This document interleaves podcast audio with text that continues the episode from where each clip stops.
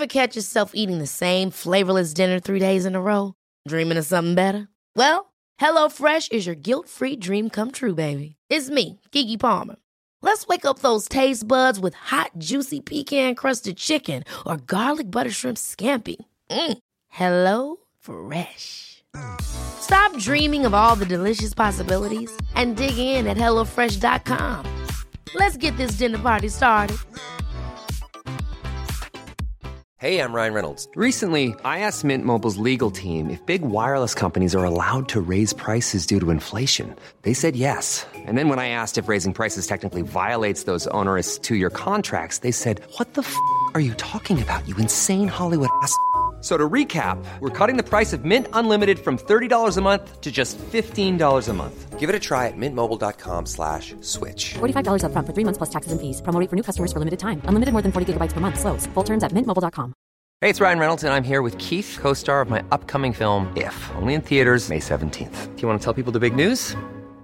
All right, I'll do it. Sign up now and you'll get unlimited for $15 a month in six months of Paramount Plus Essential Plan on us. mintmobile.com slash switch. Upfront payment of $45 equivalent to $15 per month. Unlimited over 40 gigabytes per month. Face lower speeds. Videos at 480p. Active Mint customers by 531.24 get six months of Paramount Plus Essential Plan. Auto renews after six months. Offer ends May 31st, 2024. Separate Paramount Plus registration required. Terms and conditions apply if rated PG.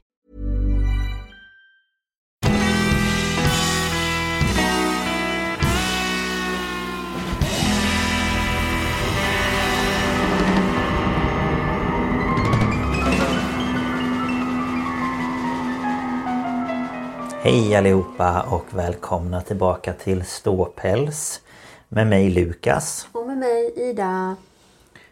Ja, Ja.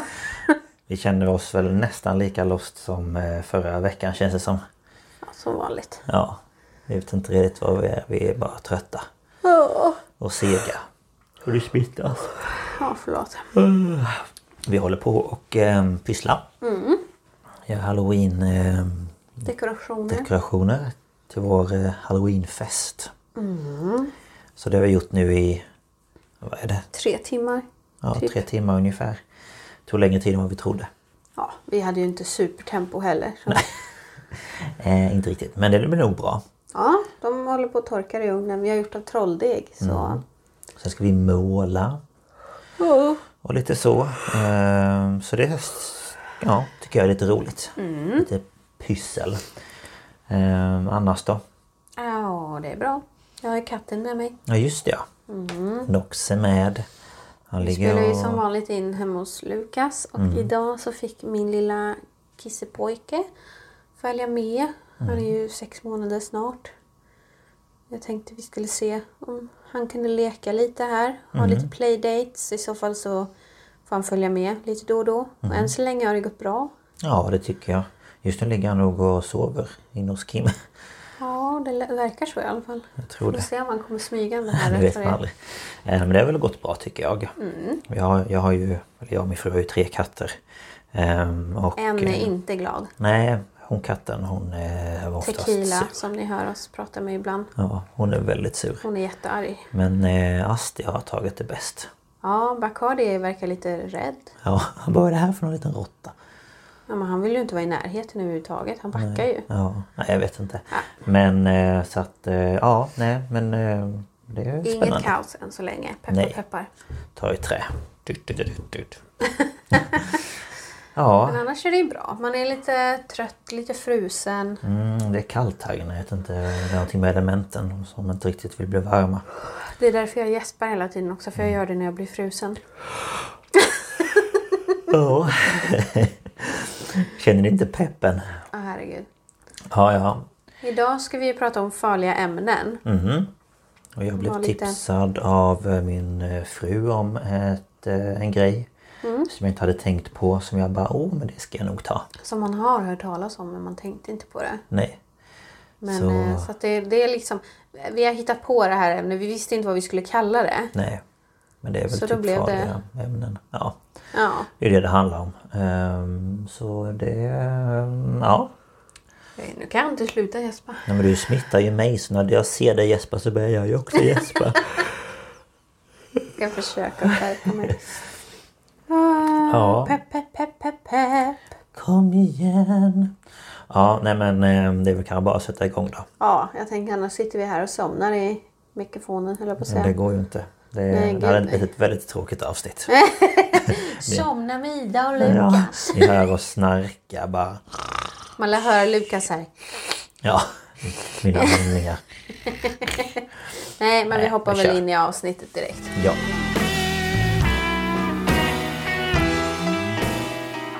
Och idag så är det jag som ska börja. Lurreburre. Lårboja. Lurreburre. Och eh, jag hade egentligen tänkt ta eh, Tjernobyl från början. Och eh, jag hade börjat kolla på lite dokumentärer och så om det och sen så tipsade min fru mig om det här ämnet. Eller eh, stället Ja. istället. Och det är ett ställe som heter Witternum. Witternum. Och det kallas för Australiens Tjernobyl. Eh, Jag har i alla fall tagit eh, fakta från Daily Mail, Wikipedia, en Youtube-dokumentär som var från någon kanal som heter Free Documentary. Och den heter Australias Ghost Town.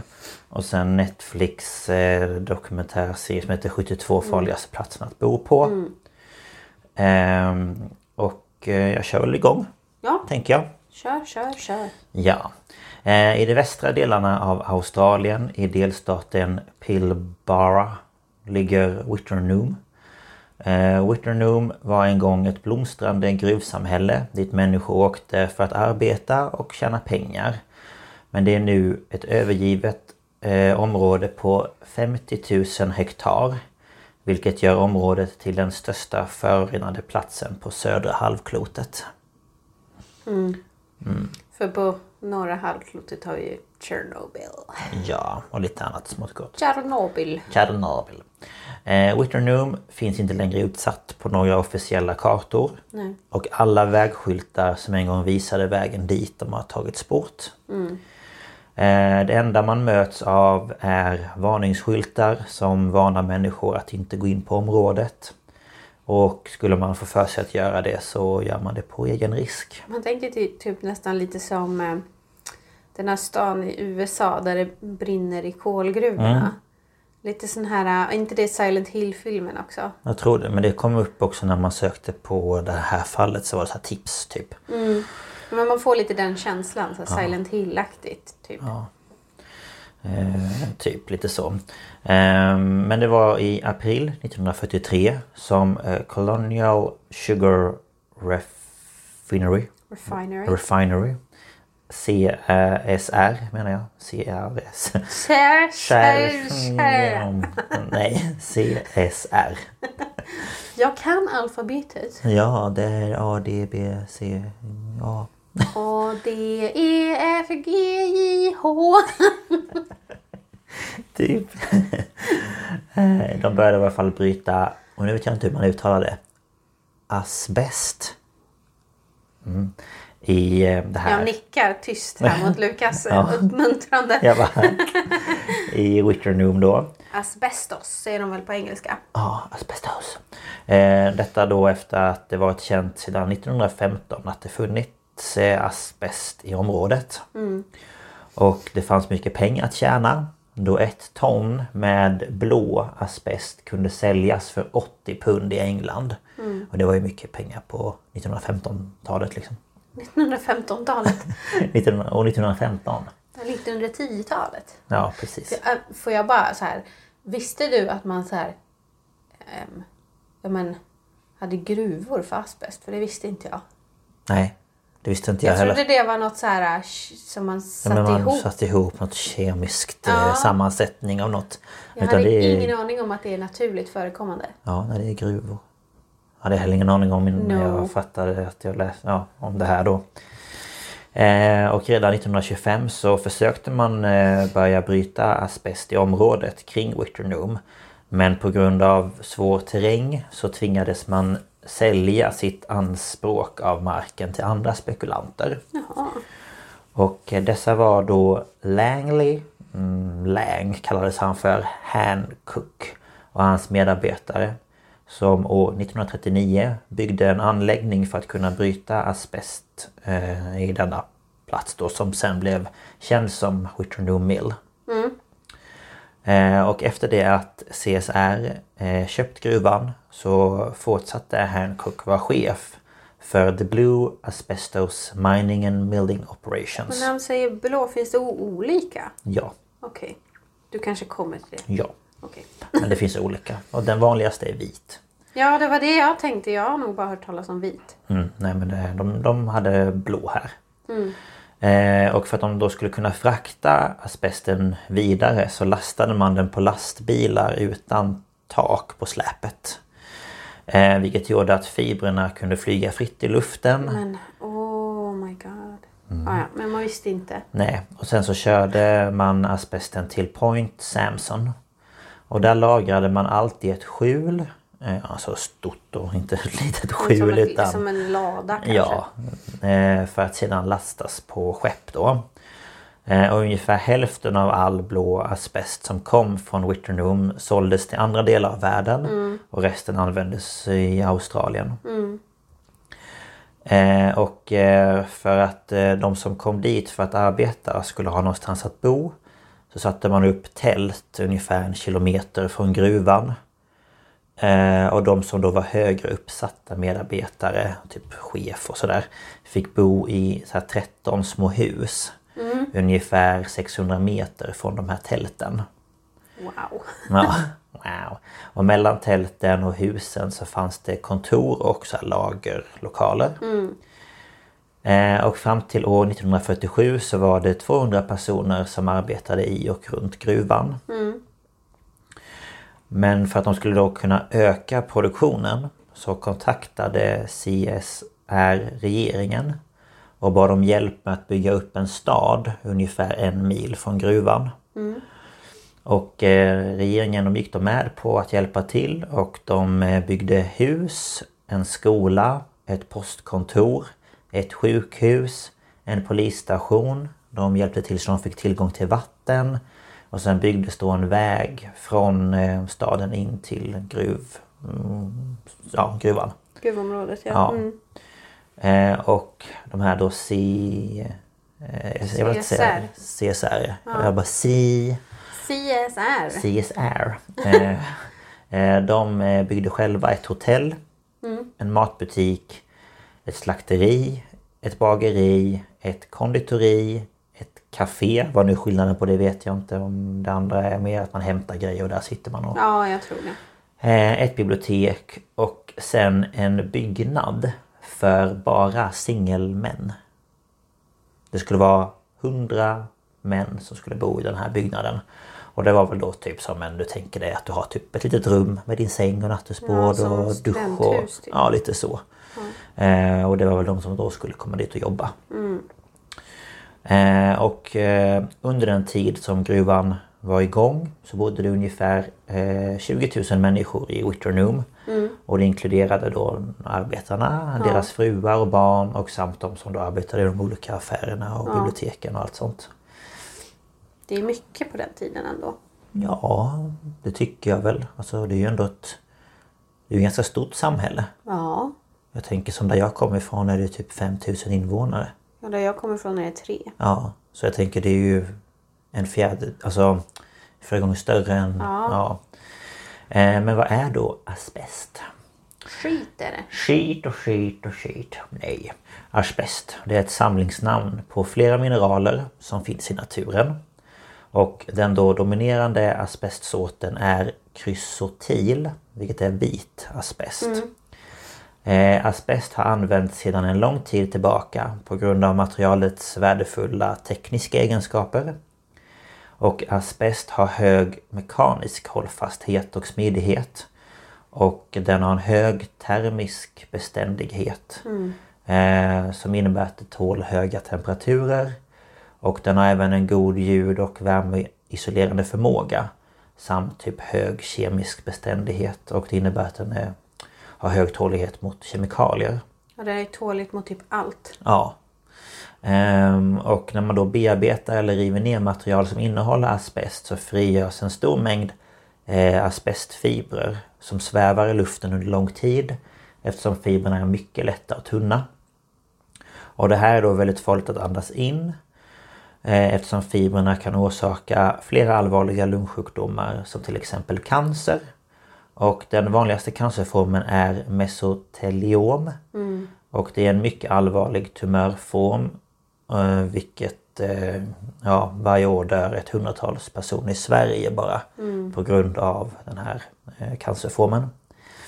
Och eh, krokidolit, vilket är då den blå asbesten.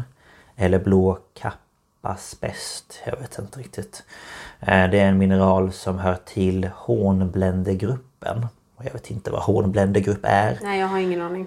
Men eh, krokidolit är en av sex typer av asbest. Och i sin un- ursprungliga form så är krokidolit lavendelblå till färgen. Eh, men får genom ombildningen brun-gul färg. Om mineralt har långa fibrer. Eh, och när man slipar ner det så ger det ett vackert skimmer i grått och blått. Och det används för framställning av mindre prydnadsföremål. Och tidigare så har det även använts som packnings och isoleringsmaterial. Eh, och det här då, den blåa asbesten, är helt förbjuden att användas i Sverige eh, sedan 1975. Och de andra formerna av asbest är förbjudna sedan 1986. Det hände ju efter den här... Det var ju en, en sån eh, fabrik i typ Göteborg där de gjorde såna här asbestplattor. Mm, okej. Eh, och folk som jobbade där, de, visste ju inte att det var farligt. Så de Nej. gick ju bara runt där Ja. inne. Liksom så. så det var ju efter det, jag har lyssnat på typ P3 Dokumentär, alltså jag tyckte det var väldigt Mm. intressant. Eh, och det var ju liksom tack vare dem som man kom fram till att det här inte är bra. Mm. Nej. Och det finns ju fortfarande i hus. Ja, det gör ju det. Eh, mina föräldrar har ju, deras takplattor är ju asbest. Ja, det är så. Ja, så när man väl ska byta tak där så måste man ju ha skyddskläder och sådär. Wow, Och ansikts... rätt eh, eh, avfall och Ja, eh, om, om, om man river i ett hus och upptäcker asbest så måste man liksom ringa professionella som så packar in det. Och, mm, okej. Ja, det, sådär. ju... Men det var ju efter, det här blev ju förbjudet då efter det här med de här fabriksarbetarna. Det kom fram att de blev så sjuka och sådär. Jo men alltså det är ju... Jag fattar ju inte att det var så farligt. eh, Förrän jag liksom satte in mig i det nu. Mm. Ja, det visste jag. Men, Ehm, men... så eh, det var några stackars fabriksarbetare här i Sverige som fick sätta liv och Ja. hälsa till. Ja, det är ju så tyvärr. Mm. Eh, men ja, det man menar på i varje fall är att i efterhand så visste eh, CSR att asbesten och risken för cancer var väldigt sannolik. Mm. Efter att ha arbetat i den miljön som man gjorde i Witternome. Och doktor... Jag tror det ska stå Jim, men jag skrivit Jam. Jump! Jim McNulty besökte Witternome mellan 1957 och 1962. Och där arbetade han som lungspecialist. Och, och Det måste ju ha varit fantastiskt. Ja verkligen. Bara, nu ska vi titta på era lungor. Nej men gud vad ser vi här? Eh, ja så år 1962 i varje fall så diagnostiserade han sin första patient med mesoteliom. Och den här patienten hade arbetat med att bryta blå asbest i Witternome. Och eh, McNutley menade på att orsaken till tumören var på grund av att patienten blivit utsatt för asbest. Han menade också på att CSR var medvetna och att om det fortsatte skulle det sätta många liv i fara. För det, det kan väl räcka med att du blir utsatt för det typ en gång så kan du få cancer. Ja. Tänk då, alltså då är det ju kört om du jobbar Ja, där. gud ja. Alltså det är ju liksom så mycket sånt fiber som flyger runt när du står står där och bryter den. Det är ju väldigt vanligt i fasader fortfarande också. Mhm. Eh, min brorsas hus, det Mm. är asbestplattor. Jaha. Den typen av fasad är oftast Ja. asbestplattor. Men grejen är att så länge de är helt och så, så är det ett väldigt bra material. Ja, ja. Så man, man byter liksom inte ut så. Men jag kommer ihåg, de målade ju om nu. Mm. Och så har han delat då på, det var någon platta som var trasig, skulle han Mm. sätta dit en ny. Och då kom han ju på sig själv med att han stod och sågade den utan munskydd. Han bara... Eh. Han bara nej det här ska jag, Jag inte bara, göra. mm, okej. Inte jättesmart nej. Nej. Nej fy fasen. Ja, nej usch. Ja man vet ju inte. Nej. eh, vad som kan hända. Eh, men en av de starkaste varningarna som de fick då kom från specialisten Dr. Bruce Hunt. den 25 september 1961. Och han meddelade då deras doktor Maynard Rennie, Rennie eh, om faran då om det. Eh, och Dr Hunt ska ha skrivit att han tyckte att CSR själva skulle ta på sig att kolla upp och inspektera ventilationen i gruvan. Eh, Dr Hunt fortsatte med att säga att han anser det mycket märkligt att CSR eh, fick fortsätta sin utvinning av asbest när det är män som arbetade dog av cancer. Och han menade också på att det var hans eh, skyldighet att föra vidare informationen till, eh, det stod pr- eh, någonting med bla bla, men jag tror att det är premiär, premiär, premiärministern. Heter det så? Premiärminister? Premiärminister. premiärministern. Jag bara, vad pratar du om? Ja, nej men det stod typ prime, prime eller någonting. Prime Minister heter det på engelska. Nej, men det stod inte det. Men jag fick för mig att det var det ändå för att det kändes jättekonstigt om det skulle vara någonting annat. Eh, om inget gjordes åt själva situationen. Och 1962 så blev premiärministern medveten om situationen men ingen åtgärd gjordes då CSR hotade med att stänga ner gruvan. Och därför fortsatte arbetet fram till 1966. Vilket innebar att fler personer dog av cancer. Som de fy fått fan. från asbesten. Och eh, under 70-talet så fortsatte patienter att få mesoteliom och läkarna blev förskräckta över många fall som kom in. För det går inte att bota, eller hur? Nej. Nej. Eh, fram till idag har 2000 personer som arbetade och levde i Witternum dött av cancer. Och fler kommer det att bli.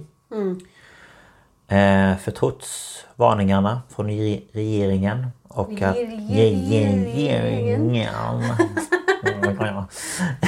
Och, att- och att ingen rekommenderas att bo där eller åka dit är det fortfarande många turister som åker dit för att utforska.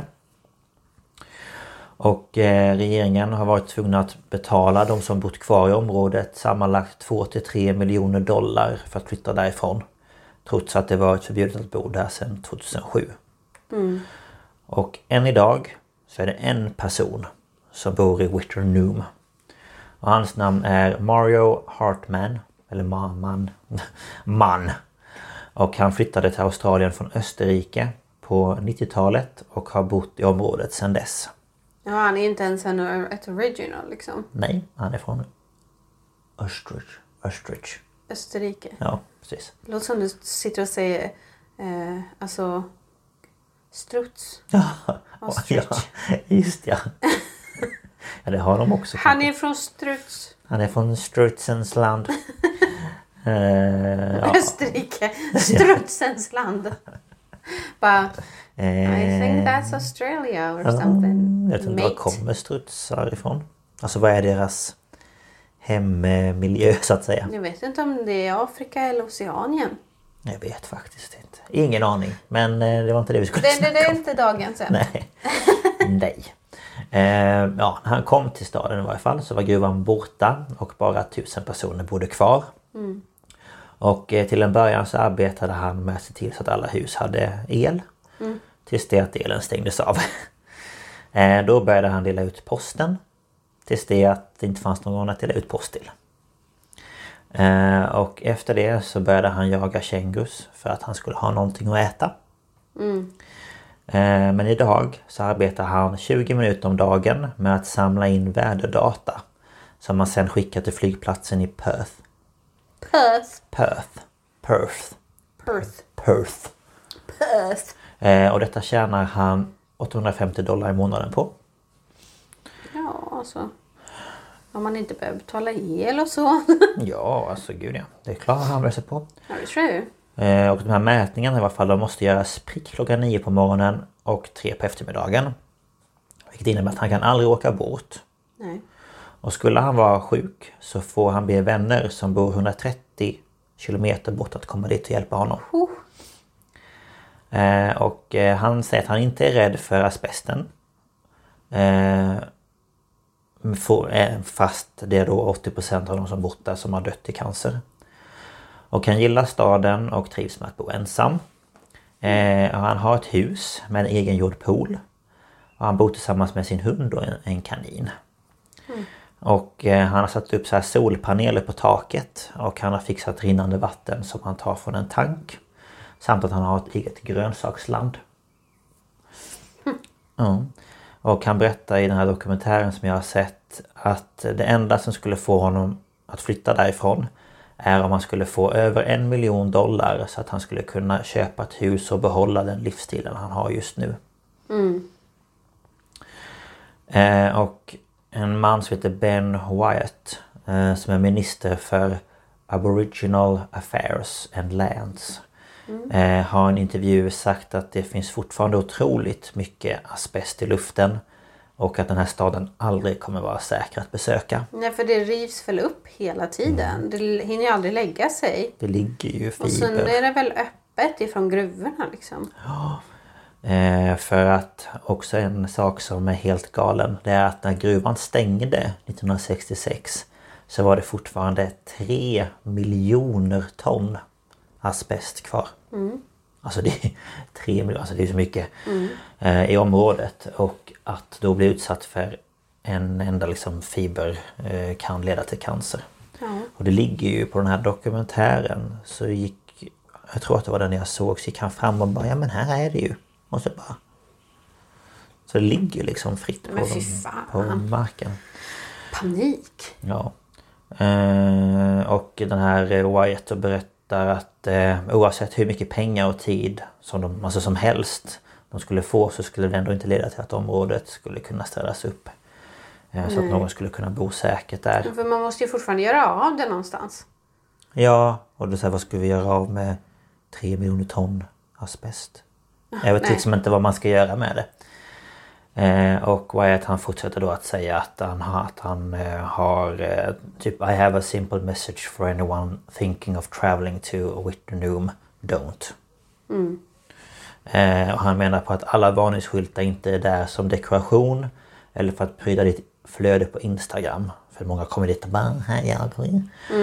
Utan att skyltarna är där för att varna för seriösa hälsoris- hälsorisker. Ja. Så han tycker det är väldigt idiotiskt att det är folk som åker Men dit det är som ju turister. så. Det är ju såna här. Det finns ju en serie på Netflix som heter Dark Tourism. Ja. Han som åker till... ehm, Man åker ju nej men till- gud vad heter det? han åker- Fukushima. Ja, Eller han åker ju inte ända fram. nej, nej, nej. Men de åker ju på en sån tour. Bus tour. Det finns ju sådana turistgrejer där man kan eh, hoppa in i... Eller det finns ju även till Tjernobyl. Då kommer du till Pripyat. Men det är mycket mer kontrollerat Ja, än ja, vad ja, det var där i Japan. Ja, gud ja, verkligen.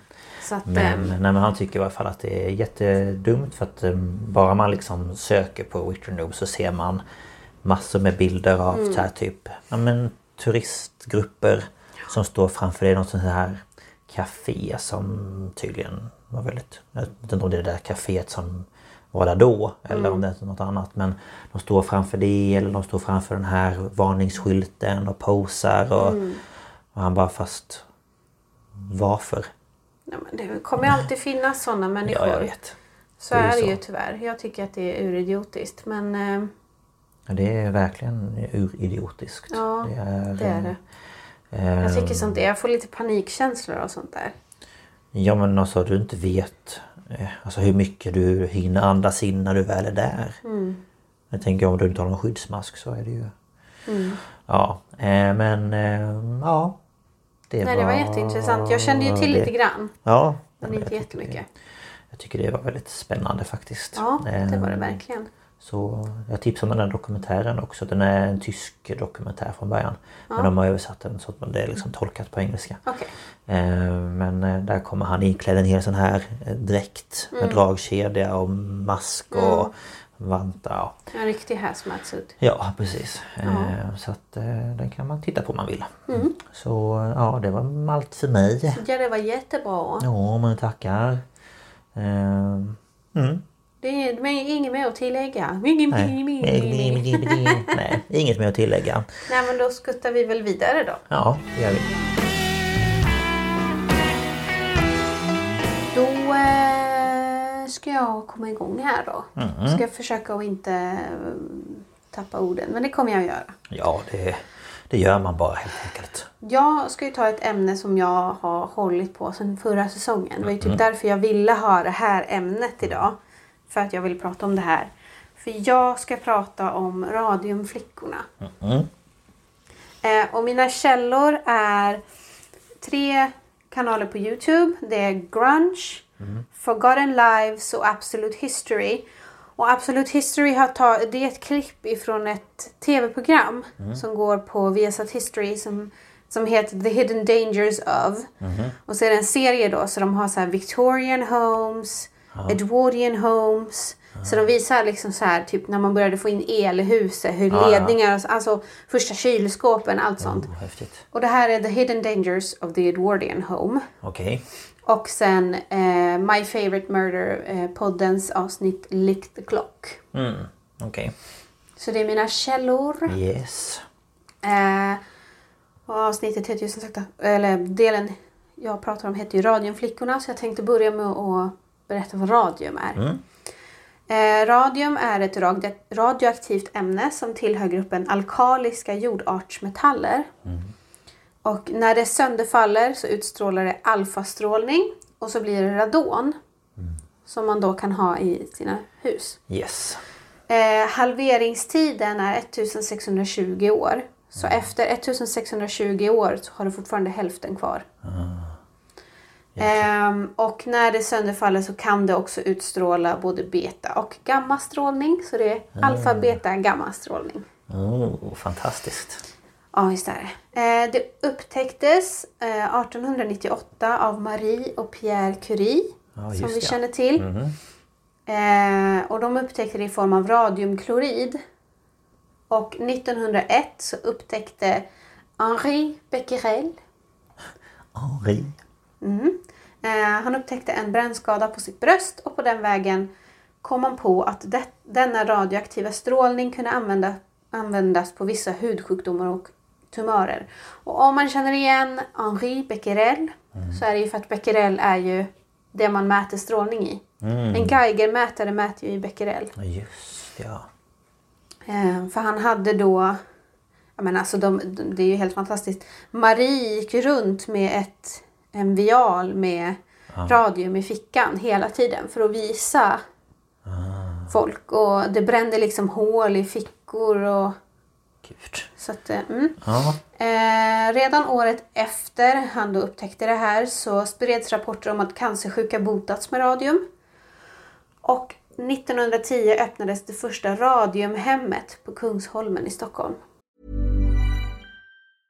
Hey, I'm Ryan Reynolds. Recently, I asked Mint Mobile's legal team if big wireless companies are allowed to raise prices due to inflation. They said yes. And then when I asked if raising prices technically violates those onerous two year contracts, they said, What the f are you talking about, you insane Hollywood ass? F- So to recap, we're cutting the price of Mint Unlimited from $30 a month to just $15 a month. Give it a try at mintmobile.com slash switch. $45 upfront for three months plus taxes and fees. Promo rate for new customers for limited time. Unlimited more than 40 gigabytes per month. Slows. Full terms at mintmobile.com.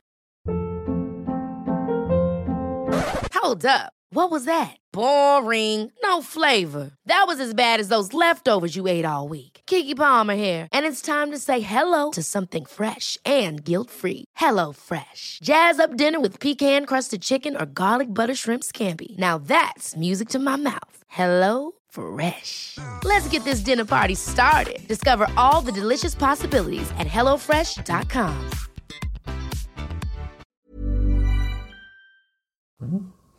Eh, man började använda radium i allt möjligt. Man kunde lösa upp det i vatten och dricka det. Och då kallade man det...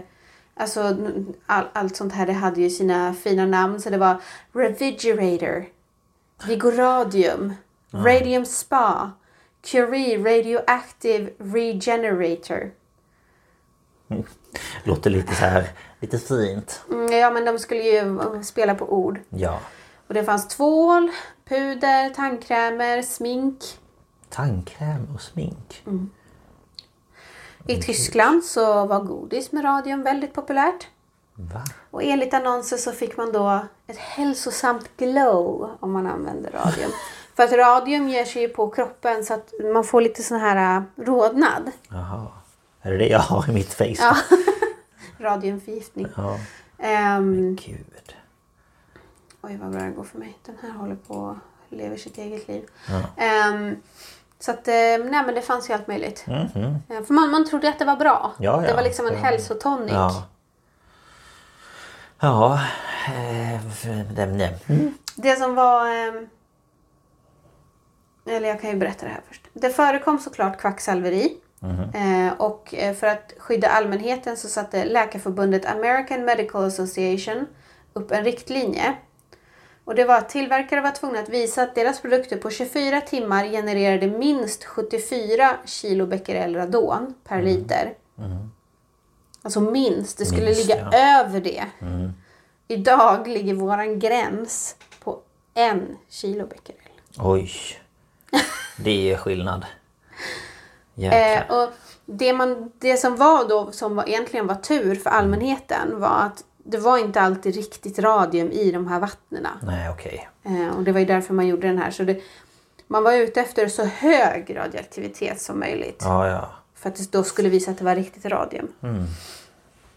Och ett stort användnings- användningsområde för radium var ju klockor. Eh, för att radium lyser ju av sig själv Just ja. i mörker. Man behöver inte ladda det so- eh, av solen. Nej. Så då var det ju perfekt. Ja, Såklart. Eh, och eh, Williams J. Hammer blandade radium med zinksulfid och skapade en färg. Han patenterade den inte men det gjorde Tiffany and Company. Ah, Tiffany. Eh, och färgen blev omåttligt populär här i Europa. Och det var inte förrän 1914 som radiumbaserade, radiumbaserad fär, självlysande färg började produceras i USA. Så de var lite efter. Eh, 1921 så hade den största tillverkaren hållit på ett litet tag och flyttat till större och större lokaler i New Jersey och kallade sig för The United States Radium Corporation. Okej. Och de patenterade namnet Undark för sin färg som de gjorde då. Andra företag började också producera färg och de kallade den för Luna, Marvelite med mera. Okej. Eh, men de här företagen producerade ju inte bara färgen utan de använde den ju. Och US Radium som jag kommer säga istället för United States Radium Corporation. Du bara... Jag säger US Radium. Ja, vi fattar. De anställde ju mängder med unga flickor och kvinnor. Eh, några så unga som 11 år för att måla ur tavlor med, och visa det med den här färgen. För de målade ju liksom visarna och sen varje sån här klockslagsgrej. Ehm, och för att göra det här så hade de en väldigt smal pensel för att komma åt. Men efter bara liksom några drag så började den ju spreta. Och då fick de lära sig att de skulle liksom, eller de blev uppmuntrade att typ slicka Dutta på, den. munnen ja. Eh, Så de tog penseln mellan läpparna och snurrade den. Typ som man gör när man ska stoppa in en tråd i en nål. Och då fick de en spets. Och varje gång de gjorde det här så svalde de en liten mängd smaklöst radium. Och det tog inte lång tid innan företaget fick jobb från militären. Och eh, de ville att de skulle måla deras instrument. Så då anställde man ännu fler kvinnor. Eh, och flera frågade ledningen om färgen var farlig. Men det var så här, nej men det är ingen fara. Okej. Eh, så ja, men de höll ju på. Så på skämt så målade de mustascher på sig själva. Och, eh, de målade tänderna, öronen, naglarna och sina kläder. För att så här, showa Ja, för ja. sina kompisar då när de kom Ja. från jobbet. Ja, det var ju... Inte så bra. Nej, men det visste inte de. Det var till och med på teatern, jag vet inte vilken teater det var nu. Då hade de ju gjort, målat kläderna på balettdansöserna. Så deras klänningar lyste när de var på scen. Eh, Allt eftersom tiden gick så eh, blev arbetare sjuka. De led av kronisk trötthet och för många började det med tänderna. Mm, konstigt. Eh, de ruttnade. Och när man drog ut dem så läkte aldrig tandköttet. Nej. Usch. Ah, fy fan. Huden blev så känslig att bara vid lätt beröring så kunde, man, kunde det bli smärtsamma sår. Men gud. Usch. Och de som var gravida födde dödfödda barn. Nej men. För det som händer är att kroppen hanterar radium likadant som kalcium. Så det absorberas av skelettet och tar sig in i benmärgen. Ah, okej.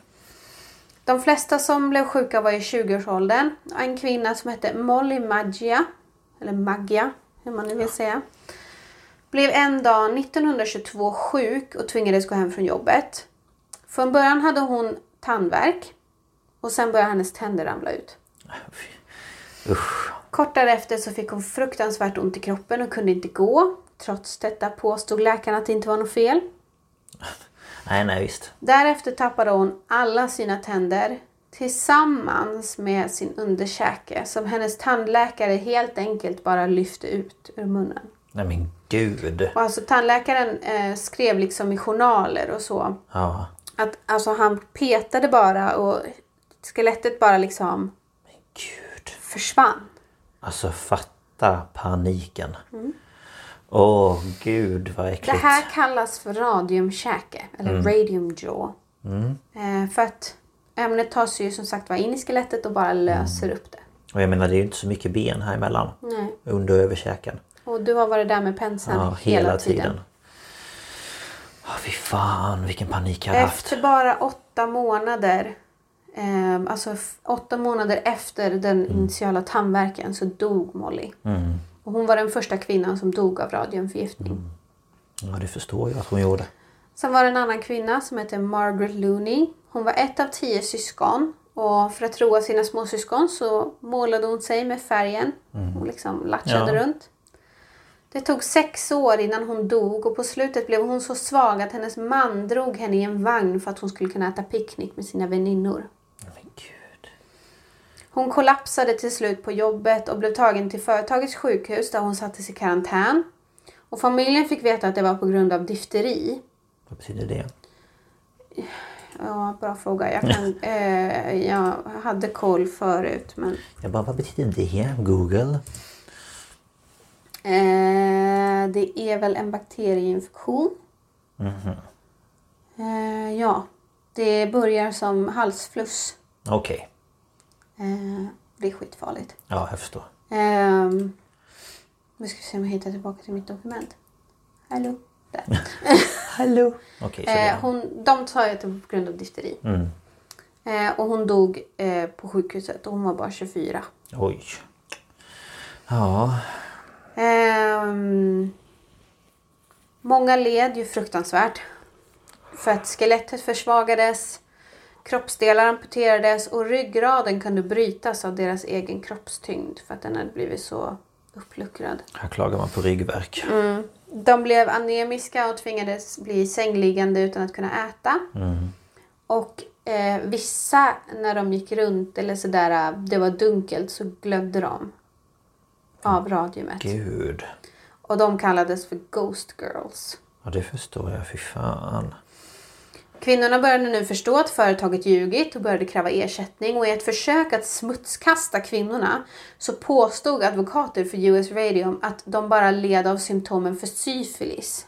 Nej, man gjorde allt för att dölja hur kvinnorna blev sjuka. såklart. Och på den här tiden liksom, så var det ju fruktansvärt att, att ha en sån sjukdom. Alltså det var ju, Ja, det det blev ju utstött. Man får väl ingen hjälp då liksom. För man, visste ju såklart att färgen var farlig. För alla andra, säg männen som gjorde färgen, de hade ju skyddskläder på sig. Men kvinnorna satt ju där i vanliga kläder. egentligen, ja. Och stoppa in det i käften. Eh, I mitten på 1920-talet så inleddes stämningen mot företaget. Eh, och en före detta anställd var i spetsen. Hon hette Grace Fryer. Eh, hon led då av fruktansvärda men efter arbetet och hennes ryggrad var en sån som hade luckrats upp och krossats av hennes egen vikt. Så hon hade liksom en backbrace, sa de, en sån ryggstötta i stål. Okej. För att hon skulle kunna sitta upp. Men gud. Ehm, Men det var väldigt motigt för dem att komma igång för de kunde inte ens hitta en advokat som ville försvara dem. Nej, nej.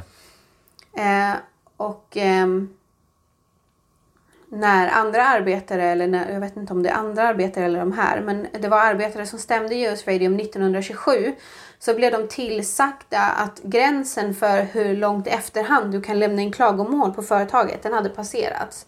För den gränsen var bara två år. Ja, men nu skulle de kunna veta att de skulle bli sådär sjuka då. Ja. Alltså, idioter. Och kvinnorna började inte vittna förrän 1928. Och månader av förseningar gjorde att tidningen, där lokaltidningen skrev om det. Och då um, gjordes en överenskommelse då mellan företaget och kvinnorna som de då gick med på. Mot slutet av 1930-talet så hade så många avlidit att tidning, tidningar nationellt började skriva om det här. Och de blev kända som The Society of the Living Dead. Oj. Bara för att ja, men de såg ut som Ja, ja, då... levande skelett. Ja, fy fan. Eh, 1935 ville kvinnor som arbetat på Radium Dial Company i Ottawa, Illinois, alltså inte Kanada. Okej, nej. Eh, de ville stämma sin arbetsgivare för att de råkade ut för samma problem. Eller de, ja, de blev sjuka, men de hade samma eh, problem att hitta advokat. Mm, Okej. Men de vägrade överenskommelse. Och det tog hela två år innan fallet kom upp i rätten. Och då hade eh, hon som då ledde arbetarna där, Catherine Wolf Donahue, hon hade redan kollapsat under ett tidigare förhör. Eh, så hon fick till slut ge sitt vittnesmål från sin sjukbädd. Oj. Eh, och de här kvinnorna vann.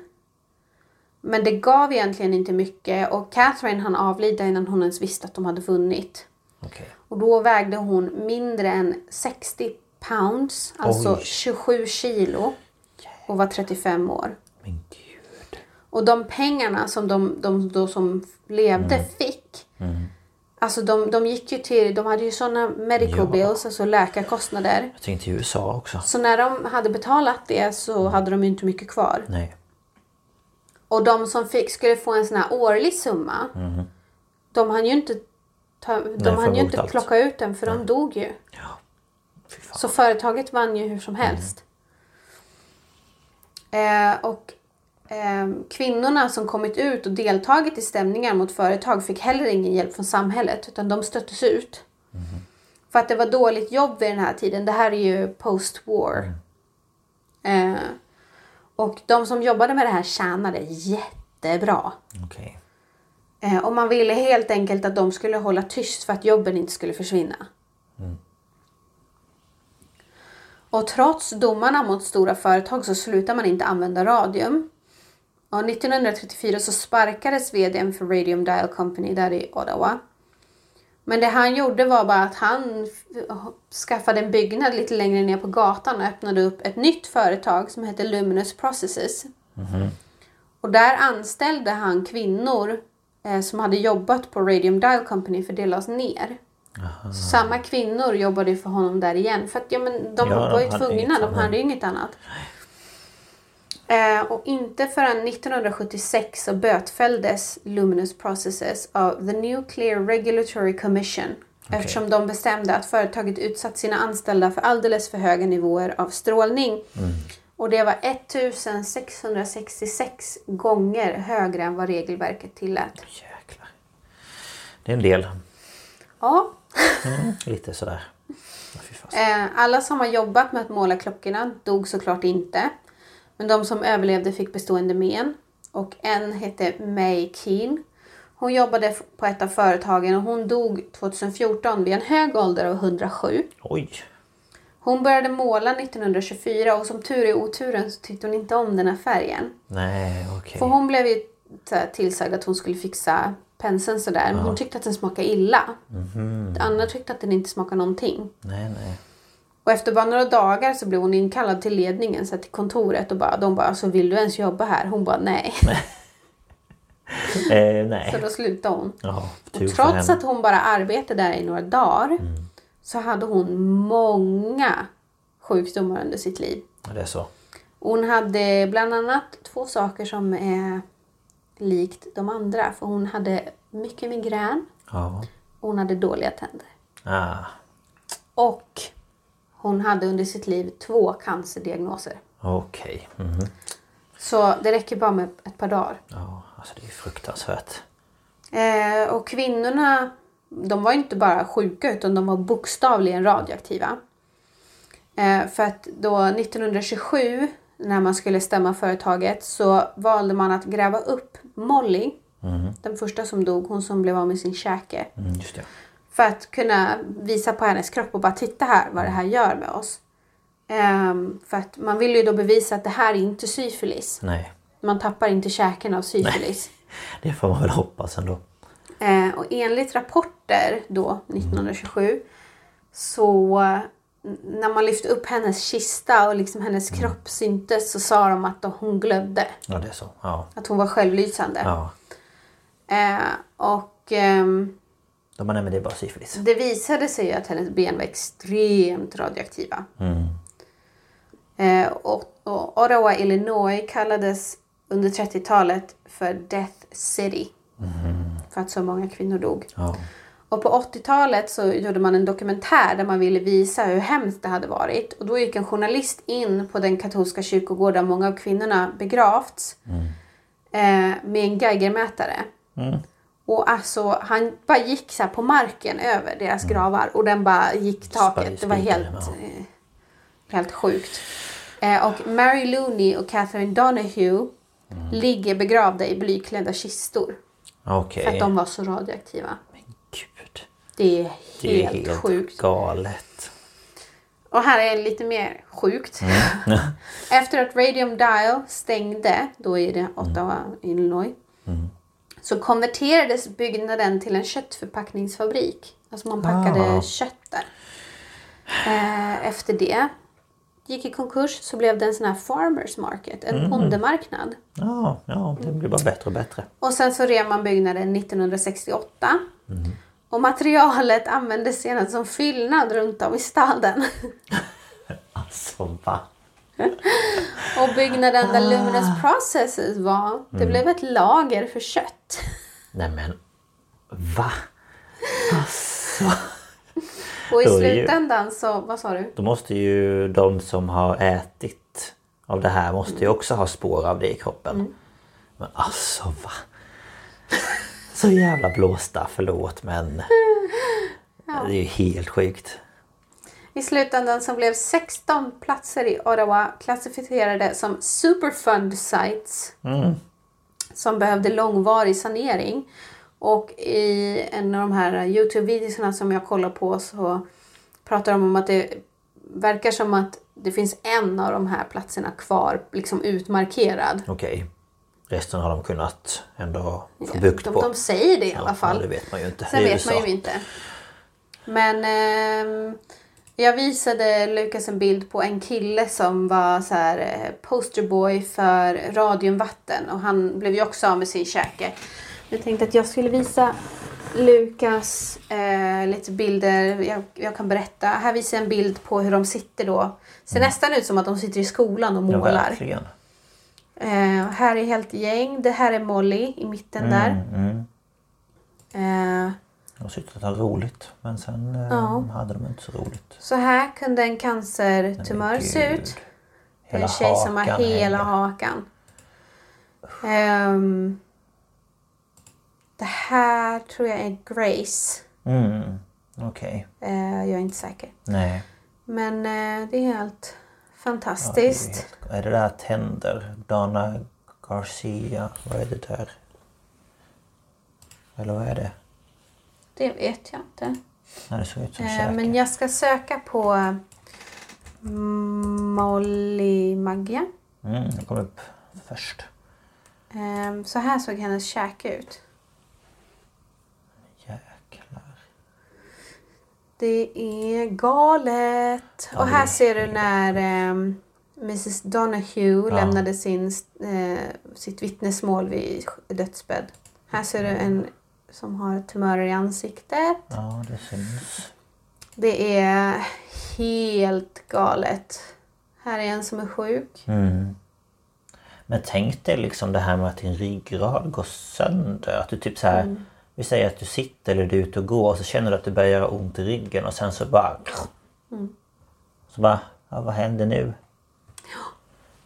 Gud vad sjukt. Och jag försökte hitta, för jag trodde att den hade släppts, men det, den har släppts på så här filmfestivaler.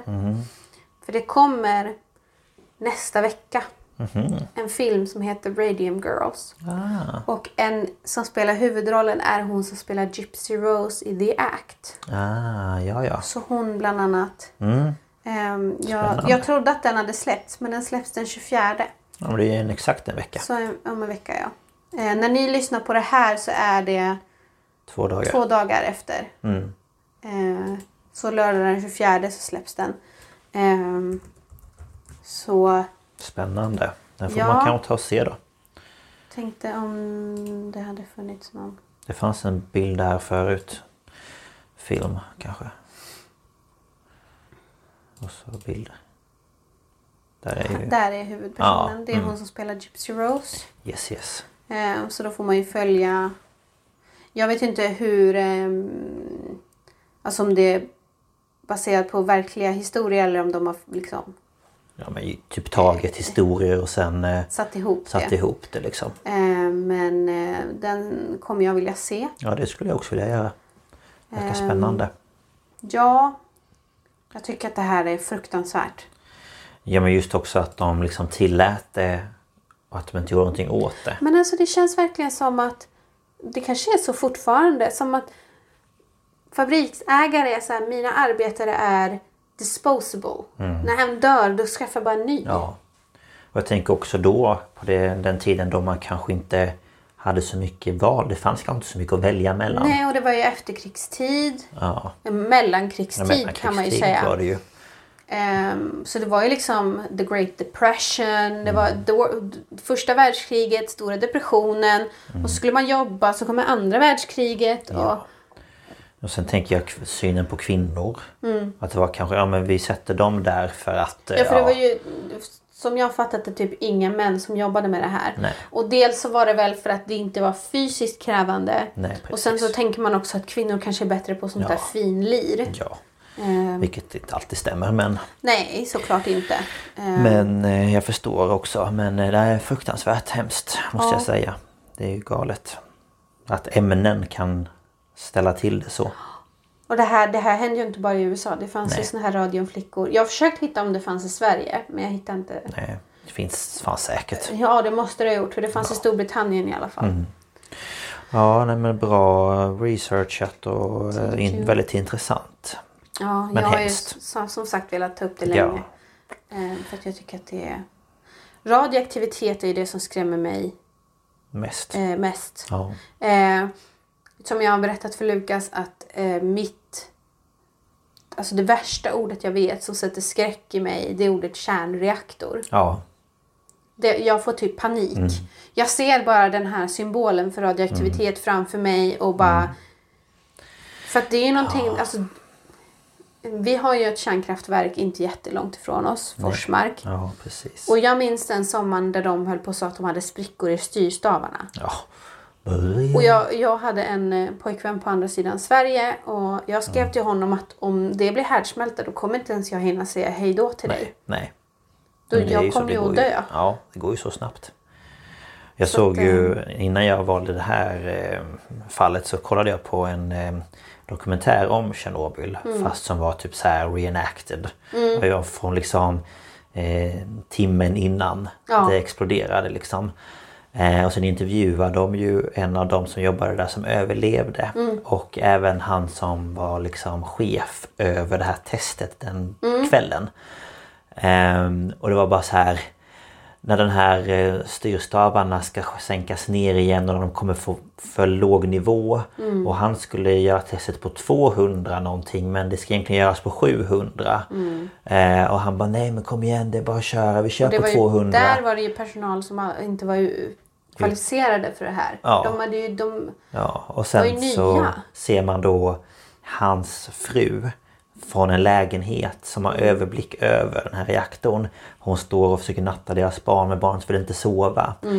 Och han överlevde ju som tur var. Men hon ser ju från sitt fönster hur hela reaktorn bara exploderar. Och sen går det några minuter till, sen smäller det igen. Eh, och liksom bara så här paniken. Eh, nej, alltså, någonting med det här med radioaktivitet det är att man ser ju inte det. Alltså asbest det är ju fibrer. Ja. Liksom så. Men radioaktivitet det är liksom Det går ju rätt igenom dig. Och sen tänker jag också... Det förändrar ju dig på DNA-nivå. Det bryter ner vårt DNA. Mm. Ja, ja, visst gör det det. Men sen tänker jag de här radioflickorna. Jag tänker om de då var tillsammans med någon. Mm. Och man typ ja, men kysstes eller vad vet jag. Fick den personen också... Det vet jag faktiskt Eller inte. Men liksom- de lär ju ha fått i sig radioaktivitet. Ja, det är det jag tänker. Men, nu... men jag tror inte att de fick samma hälsoproblem. Nej, nej För att de såklart. hade ju, flera var ju gifta och sådär. Ja, ja. Eh, och det stod ju ingenting om ju- att eh, typ hon... Eh, eh, vad hette hon som Molly. blev körd i vagn? Var det Molly? Nej, det Nej, det var ju... Eh, vem var det som blev körd i vagn? Grace. Grace var det som blev körd i vagn va? Jag tror det. Nej. Nej, jag vet inte. Det var någon av dem i varje fall. Nej, det var Margaret som blev dragen i vagn. Ja, Hennes man drog ju henne i vagn. Mm, just ja. Nej, jag bara tänker de borde ha fått i sig en, en liten mängd av det. Ja, det tror jag. Men de hade ju liksom- säkert hälsoproblem, men kanske inte på Samma samma nivå. Nej. Men det är ju liksom...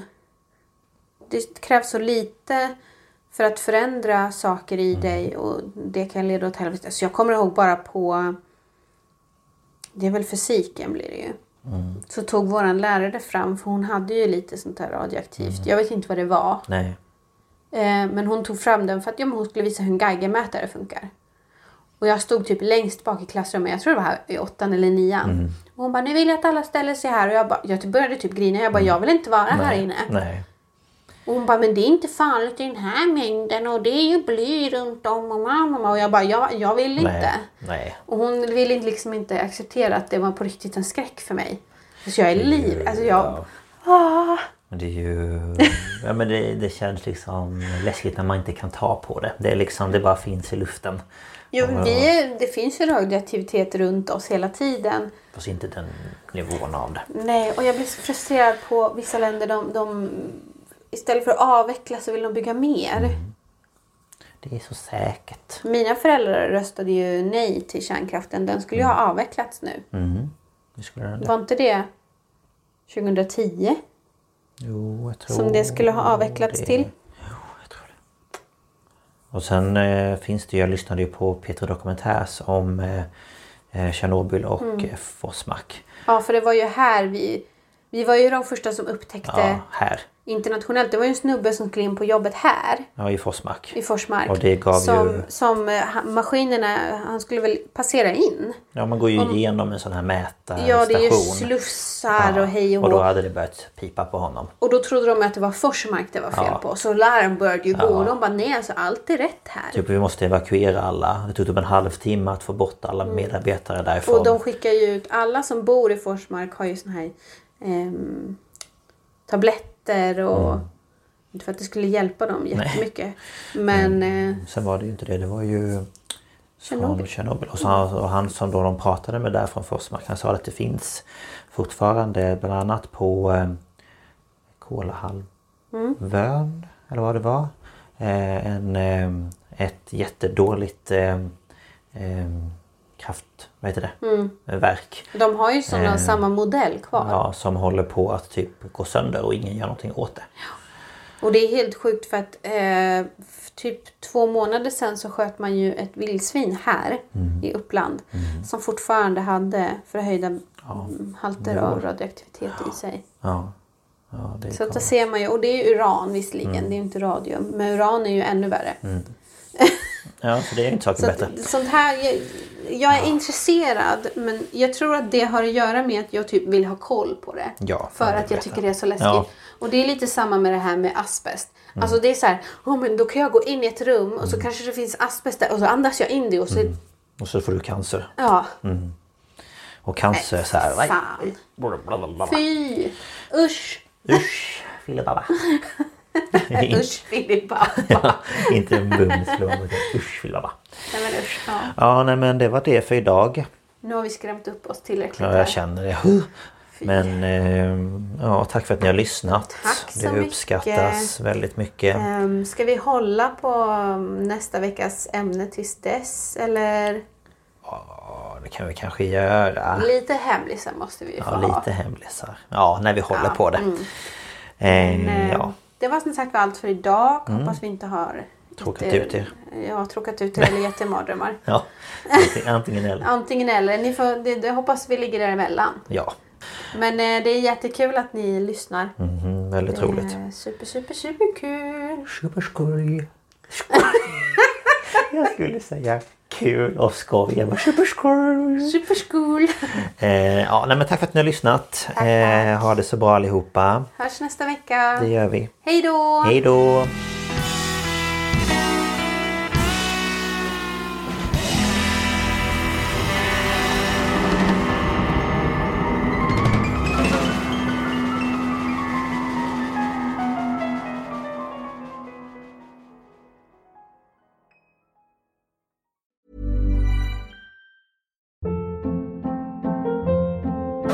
Hold up. What was that? Boring. No flavor. That was as bad as those leftovers you ate all week. Kiki Palmer here, and it's time to say hello to something fresh and guilt-free. Hello Fresh. Jazz up dinner with pecan-crusted chicken or garlic butter shrimp scampi. Now that's music to my mouth. Hello Fresh. Let's get this dinner party started. Discover all the delicious possibilities at hellofresh.com.